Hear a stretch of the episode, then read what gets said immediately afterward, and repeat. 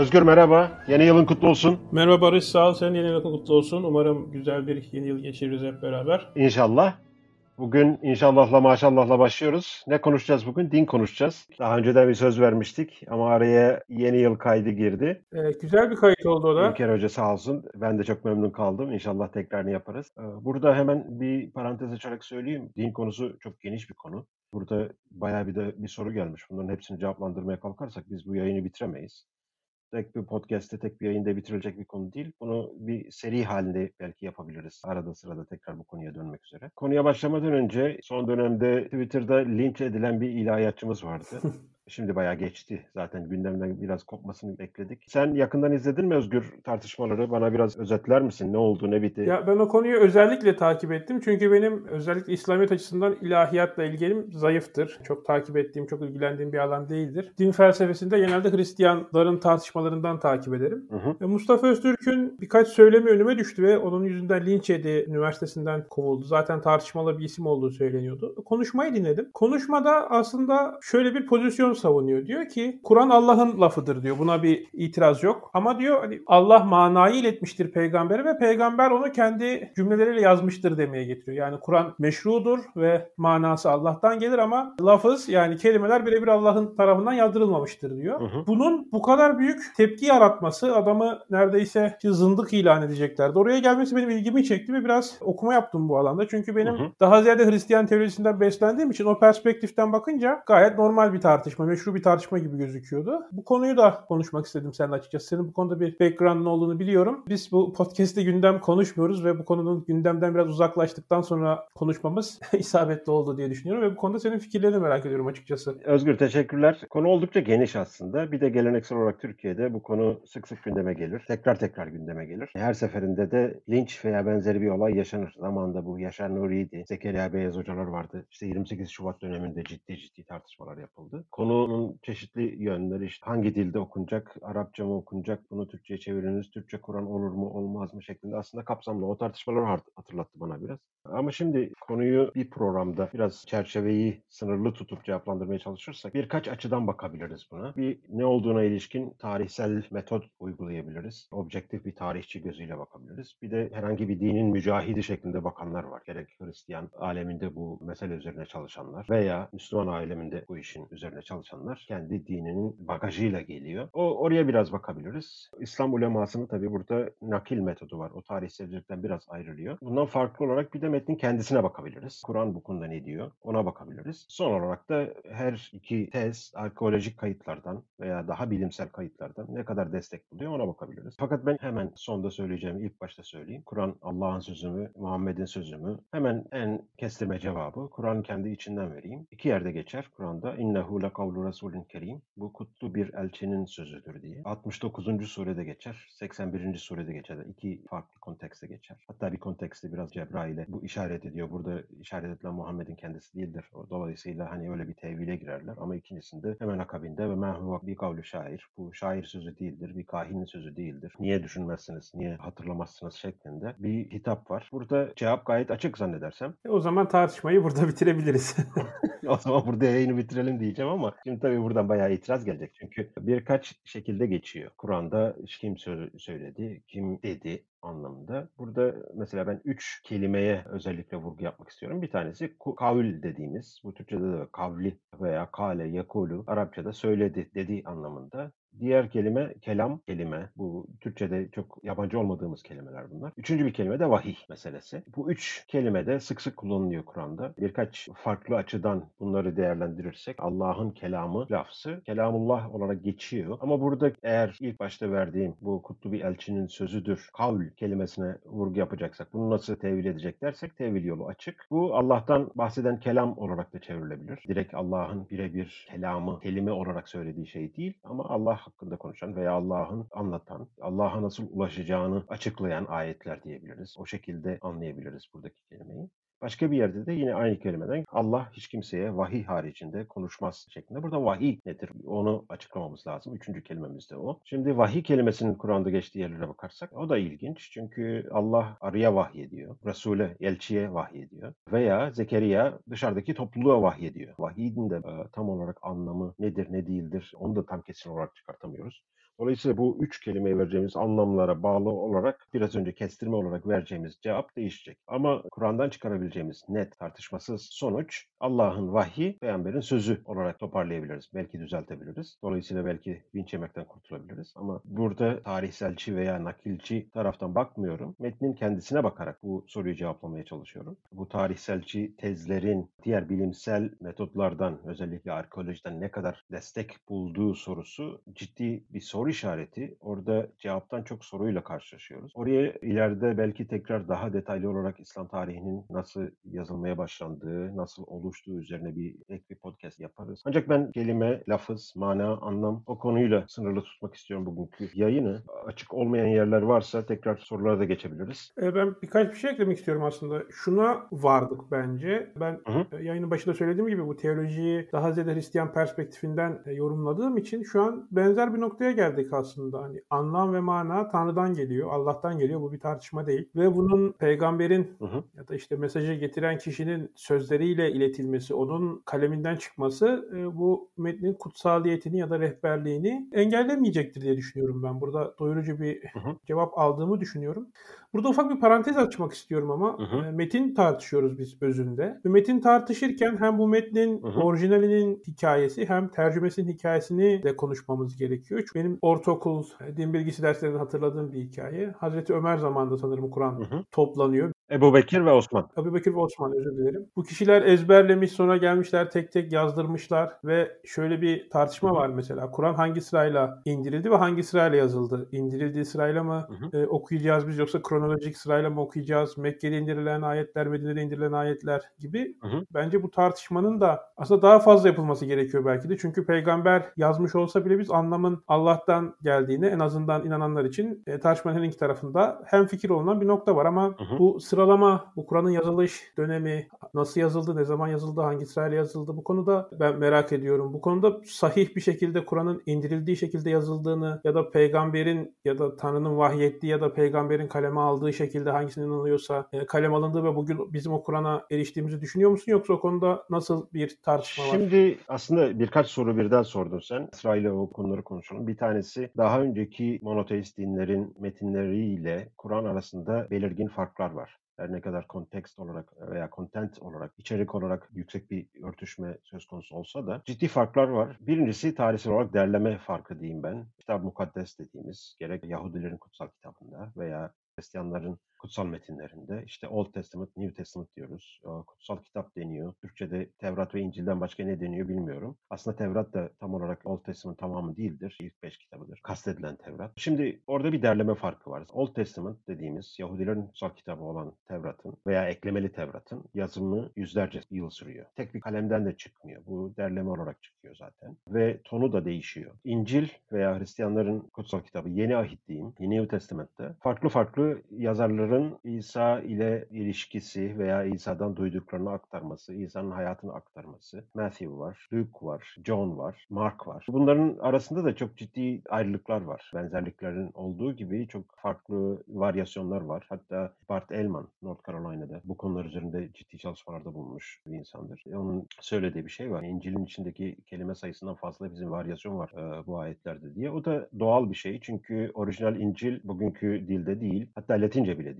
İlk metinler Koine Greek dediğimiz common Yunanca bir dilde yazılıyor ve bu dilin özelliği de continuous yazılması. Yani arada bir boşluk yok. Hani bizde önceden şaka olarak denir e, çalış baban gibi eşek olma diye. Burada virgülü nereye koyacağınıza göre babanıza hakaret etmiş oluyorsunuz veya övmüş de oluyorsunuz. Baban gibi çalış eşek olma şeklinde söyleyebilirsiniz ama durum bundan da ileri. Bununla ilgili hani benim aklıma Türkçe'de mesela Ulta bize tekerleme olarak yağmur yağar saraylar ıslanır diye. Burada raylar mı ıslanıyor saraylar mı ıslanıyor biz bilemezdik tamamen bitişik yazarsan. Hani İngilizce de öğren biraz da dini bir örnek olsun.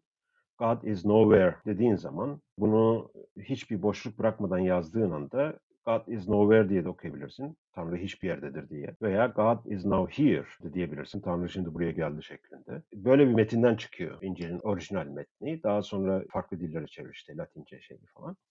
Ondan sonra işte Latince reform döneminde tekrar başka dillere çevriliyor. Bugünkü şeyler zannedersem 1500-1600, 17. yüzyılda bugün elimizde bulunan metne ulaşılıyor. Şimdi Kur'an derleme açısından bunlara göre biraz daha farklı. Şöyle farklı, topu topu topu 20-30 senelik bir zamandan bahsediyoruz derlenmesi açısından. Böyle bir metin ortaya çıkmış. Hatta Lülling, Lüksemburg gibi son dönemde çıkmış araştırmacılar var. Bunların biraz daha uç denebilecek tezleri var. Bunlar Hristiyanlar arasında söylenen ilahilerdi. Muhammed bunları topladı, bir araya getirdi şeklinde. Veya işte Muhammed birilerinden duyduklarını kağıda geçirdi, eksik duydu. O şekilde de tezler var. Tabii bunların ispatlanması çok kolay değil. İkinci bir farklılık, stil farkı diyeceğimiz. Bu kutsal kitapla yani kitap mukaddesle Kur'an arasındaki stil farkı. Kur'an hiçbir şekilde belirli bir kronolojik sıra takip etmiyor. Belirli bir konu takibi bile yok. Bir anda farklı farklı olaylardan bahsederken hemen başka bir konuya atlayabiliyor. Çok farklı konularda çok detaylı örnekler veriyor. Ne bileyim işte birisine borç verdiğin zaman bunun kağıda dökülmesini emreden bir ayet var. Hatta Kur'an'ın en uzun ayetidir. Değişik bir üslupta yazılmış. Üslubu kesinlikle farklı. Kendi içindeki üslubu da farklı. Bazı sureler çok kısa, biraz daha şiirimsi havada, manzum havada veya öyle görünen. Bazı ayetler biraz daha didaktik. Kur'an'ın ilk başına baktığın zaman sureler biraz daha uzundur.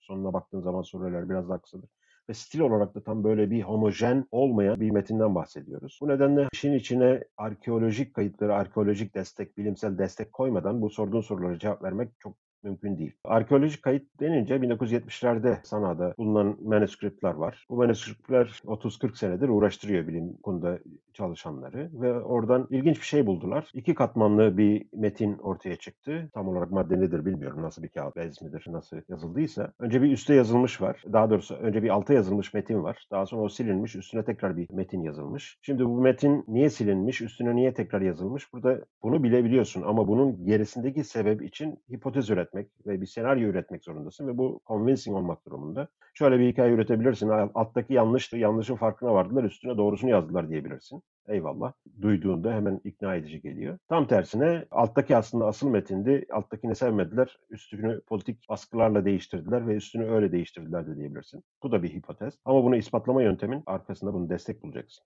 Ve bu destek noktasında biz bayağı bir fakiriz. Bilimsel anlamda fakiriz. Dini anlamda söylemiyorum. O açıdan sorduğun soruya çok kapsamlı cevap verebilmek çok mümkün değil. Son olarak bir de ulemanın nakil diyeyim veya tekerleme usulü diyeyim. Herkesin birbirinden şu şöyle demiş, bu böyle derken de o yanında var mıymış? Birisi diyor ki varmış, diğerinin de zaten 30 tane yalan ortaya çıkmış. Biraz da rivayet usulüne dayalı bu olan bitenden en az 200-300 sene sonra yazılmış hadis, siyer, ekolleri çok da güvenilir gelmiyor. Bu konuya girersek çıkamayız ama çok kısa bir örnek vereyim. Mesela biz Muhammed'in doğum yılı hakkında tam emin değiliz. 570 mi 71 mi diye değişir ama doğum gününü biliyoruz. Yani hiç kimsenin şüphesi yok. Bu biraz ilginç geliyor. Veya peygamberin hangi yılda öldüğünü bilmiyoruz ama işte Bedir Savaşı'nın hangi günde olduğunu veya farklı olayların en ince detayını rivayet ekolü veya literatürü bize aktarıyor. Burada tabii skeptik olmakta fayda var. Eğer bu kadar absürt yerlerde detay olup ana olaylarda bir belirsizlik varsa burada ciddi bir bit yeniği var. Dolayısıyla o hikaye yani Kur'an'ın Muhammed döneminde yazıya geçirilmemesi, daha sonraki halifeler döneminde yazıya geçirilmesi vesaire uydurulmuş, tekrarlana tekrarlana doğru olduğu kabul edilmiş ama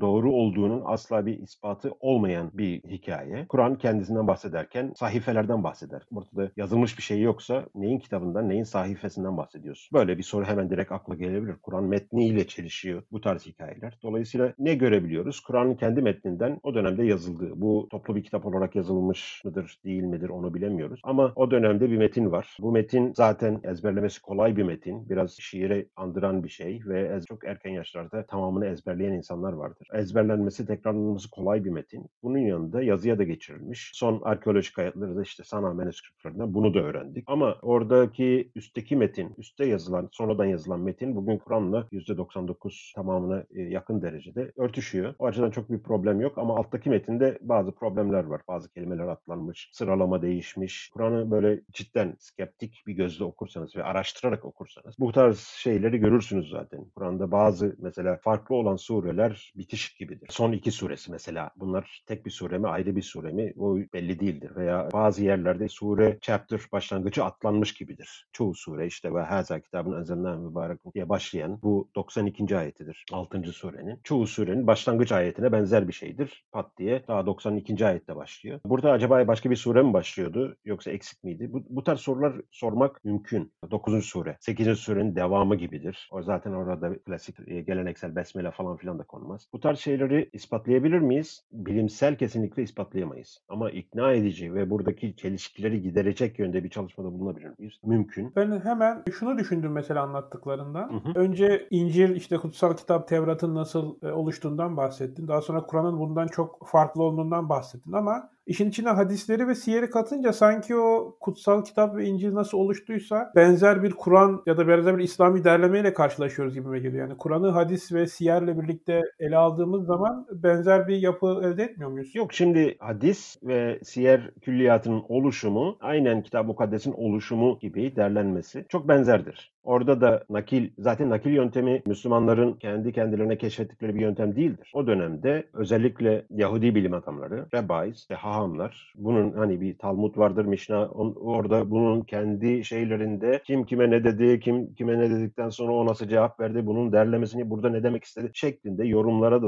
dayanan çok geniş bir külliyatı vardır. Ve bu külliyat aynen aktarılıyor. Yani Hristiyan şeyinde de var. Peter'a veya başka birisine dayandırmak zorundasın. An, ane dediğimiz, an fulan, an fulan, an fulan, an from demek. Şundan duydum anlamında. An özgür, an barış, bilmem o da şundan duymuş, o da şundan duymuş, o da şundan duymuş. Araya bir uh, chain of transmission koyuyorsun. Yani bir zincir koyuyorsun. O zincir bir yerde koptuğu zaman ha diyorsun bu güvenilir değil, güvenilmez. Ama şimdi sen bir şey uydurmaya karar verdiysen chain'i uydurmak da çok sorun olmuyor senin için. Chain'le birlikte uyduruyorsun. O arada zincirle birlikte uydurabiliyorsun. Dolayısıyla hani o Kitab-ı Mukaddes'in yeni ahitin derlenmesiyle Müslümanlardaki hadis külliyatının, siyer külliyatının derlenmesi arasında bir benzerlik var. Ama Kur'an için bunu söyleyemiyoruz çünkü Kur'an'da şöyle bir şey var. Başlangıcından itibaren ortaya çıktığı dille bugün elimizde. Dil olarak kesinlikle öyle. Metin olarak çok küçük soru işaretleri dışında orada daha ispatlanmış bir tez yok. Burada bir soru işaretleri geliştirmekte serbest. Skeptik olarak okumak zorundayız. Bu soru işaretleri dışında çok da bir problem yok. Bu soru işaretlerinin olduğu şeyler de zaten Kur'an'da verilen ana mesaja herhangi bir şekilde bir hasar vermiyor. Aa bu şu kelime yoksa demek ki aa bütün mesaj değişti anlamında değil. Ama mesela şey de öyle değildir. Kitap mukaddeste bazı yerlerde işte hangisiydi? John'da şey vardı. Orijinal metinde olmayan kilit bazı inançları sarsıyor. Hristiyanların kilit inançlarını sarsan bazı örnekler var. Şu anda tam çıkartamadım İncil'deki yerini. Ama notlara eklerim onu. O açıdan tam ciddi bir örtüşme yok. Bir de şöyle bir şey var. Bunu da ekleyeyim. Kur'an'daki çoğu hikaye veya çoğu ifade, çoğu mesel yeni bir şey değildir. Eski kitaplardan aktarma mı diyeyim? Aktarma demekte bir beis yok çünkü Kur'an da zaten öyle diyor. Eski şeylerin tekrar derlenmesi, bunun tasdik edilmesiyle alakalı.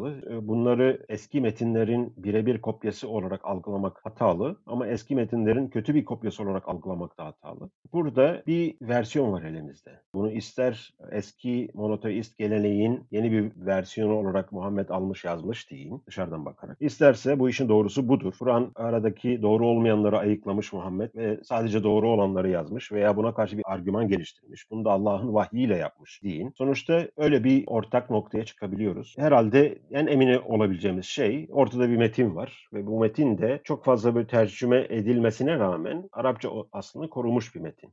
Bayağı uzattık aslında. Eğer burada tam tamamlanmadıysa tekrar bu konuya geliriz. Sorulara geçelim. Ben hemen bu konuda hem biraz devam olacak hem biraz da açacak bir soru var. Onu sormak istiyorum. Hı hı. Benim de çok merak ettiğim bir şeydi. Bu Twitter'dan da geldi bu soru. Çok güzel denk geldi. Şimdi Hz. Muhammed'in İslamiyet'i kurması, peygamberliği ve o dönemde işte İslamiyet'in, İslam devletinin kurulması mı diyeyim, o devletin kurulması hı hı. çok önemli bir tarihi bir olay ve bizim elimizde bu tarih bu kadar büyük, önemli bir tarihi olayla ilgili üçüncül kaynaklar olması gerekiyor. Hı hı. Hem Kur'an'ın indirilişiyle yani Kur'an'ın indirilişi derken şöyle hani Muhammed isminde bir peygamberin çıkması ve insanlara tebliğde bulunduğunun ve seyyahların vesairenin kaydında olması gerektiğini düşünüyorum. Gelen soru da buna yönelik. Hı hı. Dönemin üçüncü taraf yazar çizerlerinde, devletlerinde vesaire Hz. Muhammed'in tebliğ ile ilgili, Kur'an'la ilgili ya da Hz. Muhammed'le ilgili hı hı. ne çeşit bilgiler var elimizde? İslami kaynakları hariç tutarsak o dönemki Ermenice zannedersem ilk geçen kaynak. Şey hakkında çok fazla literatür vardır da İsa gerçekten öyle birisi yaşadı mı yoksa bu mitolojik bir insan mıydı? İsa bir uydurma mıydı vesaire şeklinde.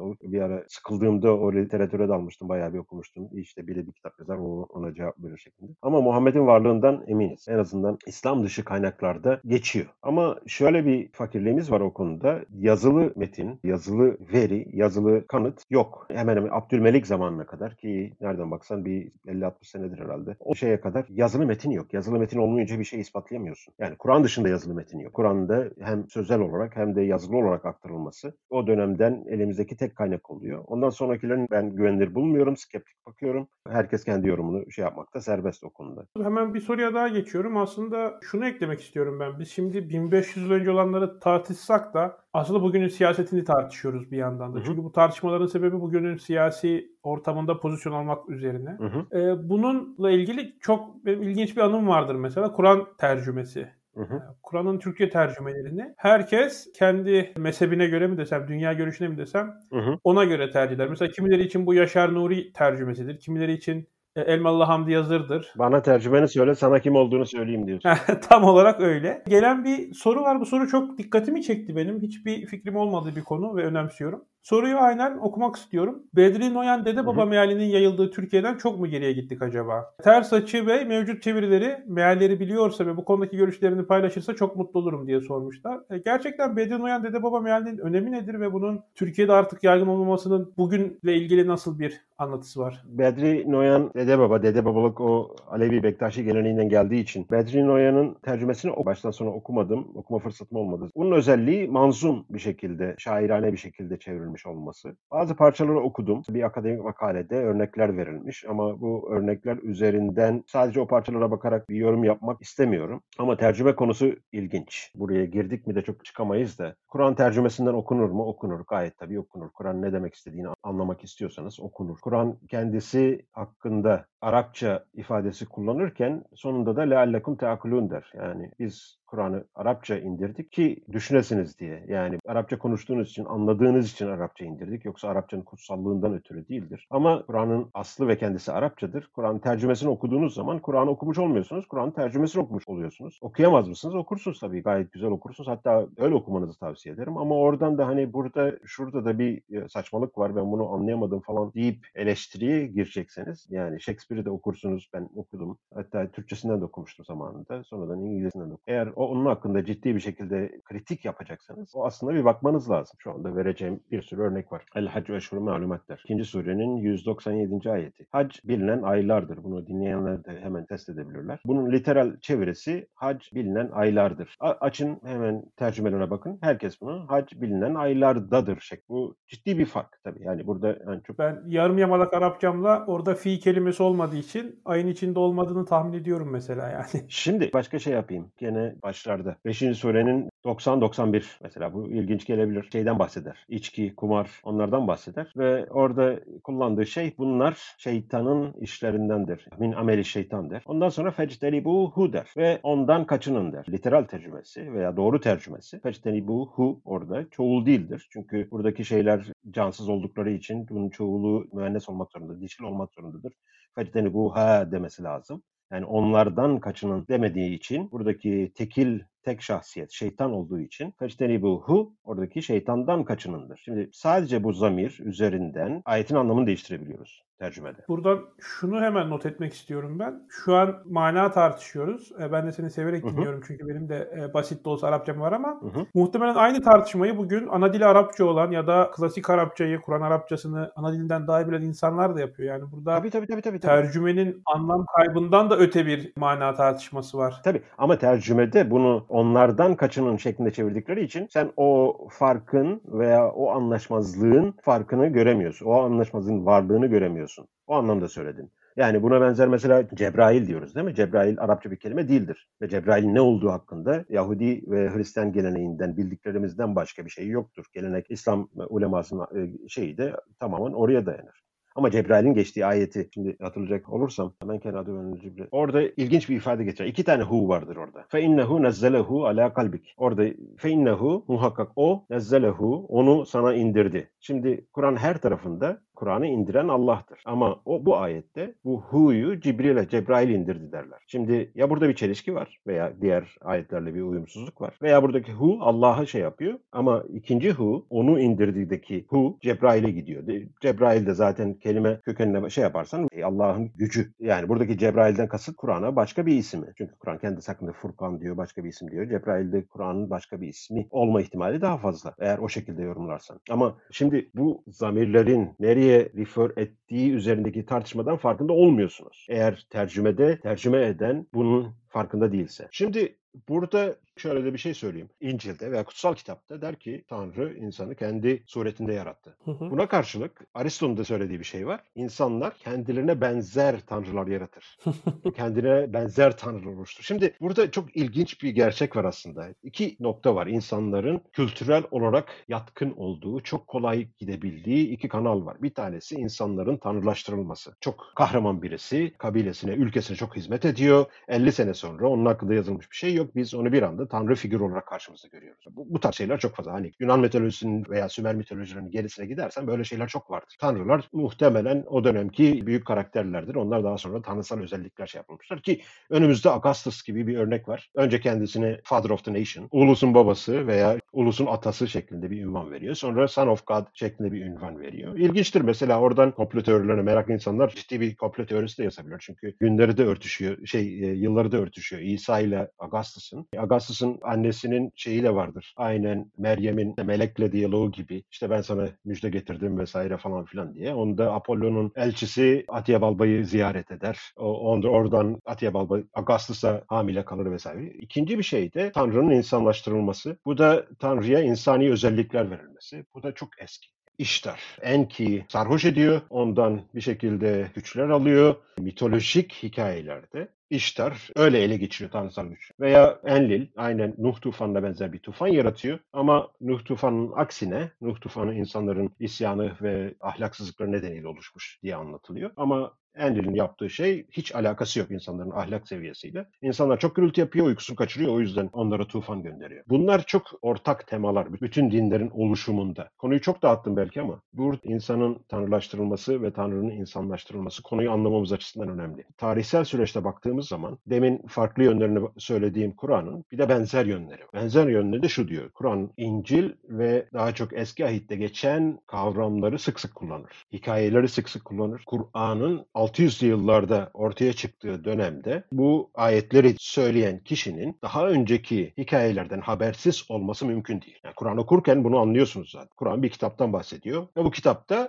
aynen Yahudi ve Hristiyan toplumlarında gayet bilinen hikayeler tekrar tekrar anlatılıyor. Bu hikayeler anlatılırken bazı detaylar atlanıyor bazı detaylar da ekleniyor. Ama burada Kur'an'ın stil olarak İncil veya Tevrat'a benzememesi şunu doğuruyor. Bu bir tarihsel kayıt tutmak amacıyla yazılmış bir kitap değil. Kitabın belirli bir mesajı var. Bunu hangi dilde okursanız okuyun anlarsınız veya hangi parçasını okursanız anlarsınız. Kur'an ortak bir mesajı var bütün metinde. Detaylara indiğiniz zaman Kur'an'da geçen Siriyak kelimeler var, Aramice kelimeler var. Kur'an'da bugün hala anlaşılmamış işte Lilafi Kurayşin diye hemen hemen Türkiye'de herkesin ezberlediği son 10 söyleden birisi. Oradaki ilaf kelimesinin ne olduğu bilinmez mesela veya Kureyş konusunda biz çok fazla bir bilgiye sahip değiliz. Şimdi bu detaylarda kaybolmazsa Kur'an'ın eski gelenekten veya eski kitaplardan aldığı şeyler ve tasdik ettiği şeyler, bunu Kur'an kendisi söylüyor. Tanrı'nın insana benzetilmesi ve insanın tanrılaştırılmasına karşı çıkan şeyler. Temel şeyi biz ancak senden yardım dileriz ve ancak sana sığınırız. Bu İyyâke na'budu ve İyyâke nestaîn. Son bir soru Hı hı. sormak istiyorum. Aslında bu soru aslında en baştan beri söylediğimiz şey. Bizim bu bütün binlerce yıllık geçmişe gittiğimiz üçüncü kaynaklardan tercümeye, Arapçanın e, zamir yapısına kadar bütün bu tartışmaları yapmamızın sebebi bence bugün 2021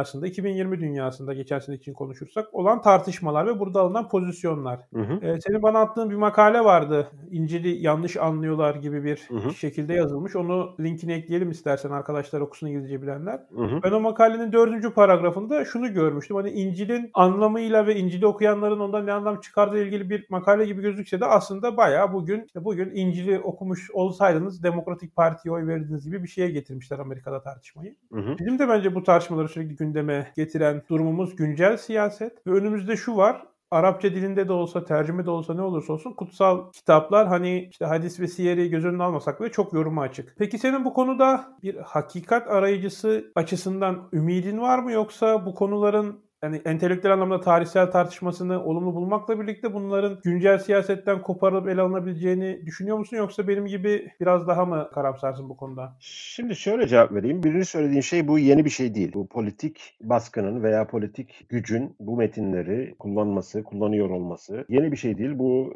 ezelden beri hani dinin ortaya çıkmasından beri böyle bir şey. Hatta din ilk başta meşruiyet kaynağı olmuş ta avcı toplayıcı topluluklardan itibaren ha bak kabilenin reisin dediğine o şey yapmazsan işte karın hasta olur yok denizde seni balık yer vesaire falan şeklinde. Daha önceden bu günkü karmaşık hukuki ilişkilerin olmadığı toplumlarda din bu işlevi görmüş. Klasik örnek vermek gerekirse love thy neighbor, komşunu seveceksin şeklinde bir şey vardır ve bunun ilk başta orijinine giderseniz bu çok böyle evrensel bir mesaj falan filan değildir. Bu daha çok Yahudilerin kendi arasındaki bağlarını kuvvetlendirmek için geliştirilmiş bir emirdir. Çünkü komşunu seveceksinden kasıt komşunun Yahudi olduğu için onu seveceksin. Buradaki komşunu seveceksin, Yahudi olmayan veya aynı dinden İbrani olmayan komşuları kapsamaz. Yahudiler tarihsel olarak çok fazla sürgün geçirdiler. Direniş seviyelerini, direnç seviyelerini bir şekilde etkisi olmuştur bu tarz emirlerin. İlk ortaya çıkışı bu şekilde ama ne zaman ki diğer köyle ticaret yapman, diğer dinlerdeki insanlarla ticaret yapıp karşılıklı bir çıkar ilişkisi, karşılıklı bir e, hani bunu çıkar dediğim böyle çok materyalist gözle bakmıyorum. Karşılıklı bir şekilde anlaşma zemini aramaya başladığın zaman diğer dinlerin tanrılarına da biraz selam çakılmıştır veya ne bileyim işte onların şeylerine biraz daha hoşgörüyle bakılmıştır. O zaman biraz daha evrenselleştirilmiştir mesaj.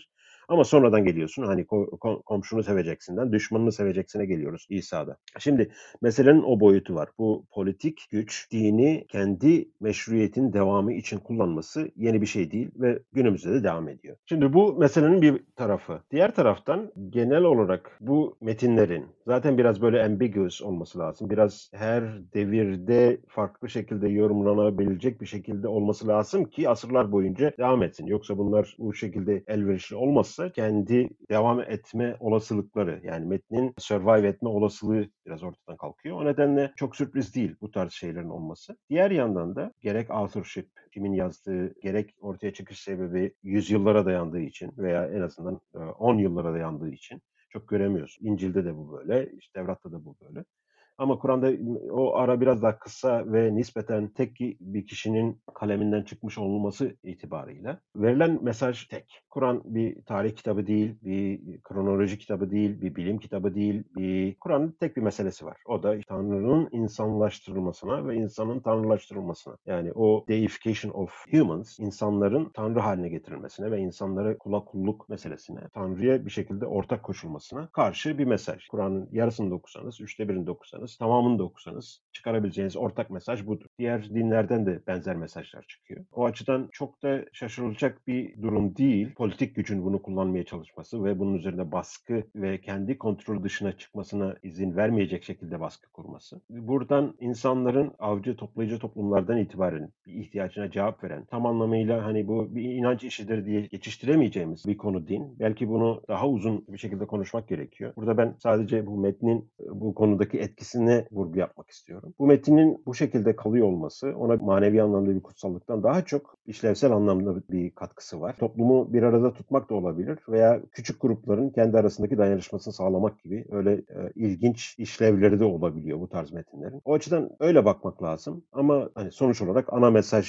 bellidir. Konteksten bağımsız yapılan aktarımlardan her zaman kaçınmak lazım. Şu benim dikkatimi çekti. Hafif hafif artık e, son sözlerimi söylerken şunu not etmek istiyorum ben. Hı hı. Bu komşunuzu sevin Yosef'in söylemi mesela tarihsel açıdan yaklaşırsak İncil'deki bu söylemi e, senin anlattığın gibi bu bayağı muhafazakarların argümanı olacak. Progresifler de bunu komşunuzu sevin kelamını sınırsız göçe destek verilmesine bir sebep olarak gösteriyor. Yani burada Türkiye'de tarihselci bir yaklaşım, ilerici bir yaklaşım olurken Amerika'da tarihselci bir yaklaşım muhafazakar bir yaklaşım olabiliyor. Yani bu yaklaşımların nasıl araçsallaştırıldığını da gösteriyor bu bize. Pratik bir örnek olarak Hı-hı. söylemek istedim bunu. Hı-hı. Onun için bu yaklaşımları yani yaklaşım dediğimiz metodolojik bir şey olsa da bu metodolojik yöntemleri bile biz artık siyasetten bağımsız ele alamayız. E, senin de son sözlerini almak istiyorum. Artık yavaş yavaş kapatalım programı. Konu çok kapsamlı bir konu olduğu için bir 4-5 program sonra belki de gelecek yeni sorularla birlikte bu konuya yeniden dönmeyi teklif ediyorum. Tabii bu konuya tekrar döneriz. Genel olarak din konusuna belki ayrı bir seri yaparız. 4-5 programda bir geri dönmek üzere. Bunu 35-40 dakikada toparlayabileceğimiz konular değil. Aradan böyle parça parça kapsamı biraz daha sınırlı tutarak konuşabiliriz bazı şeyleri. Oradan da herhalde kayıtlarımız devam ettikçe genel çerçeve ortaya çıkacaktır diye düşünüyorum.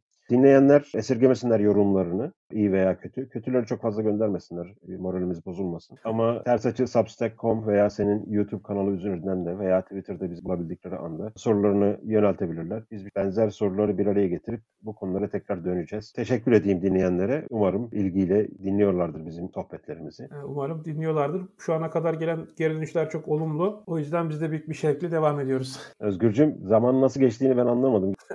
evet. Teşekkür edeyim. Bir sonraki yayında dinden başka bir şey konuşalım. Biraz daha dinleyicilerin tepkisine göre tekrar bu konuya döneriz. O zaman şimdilik herkese görüşmek üzere diyoruz. Hoşçakalın. Bay bay.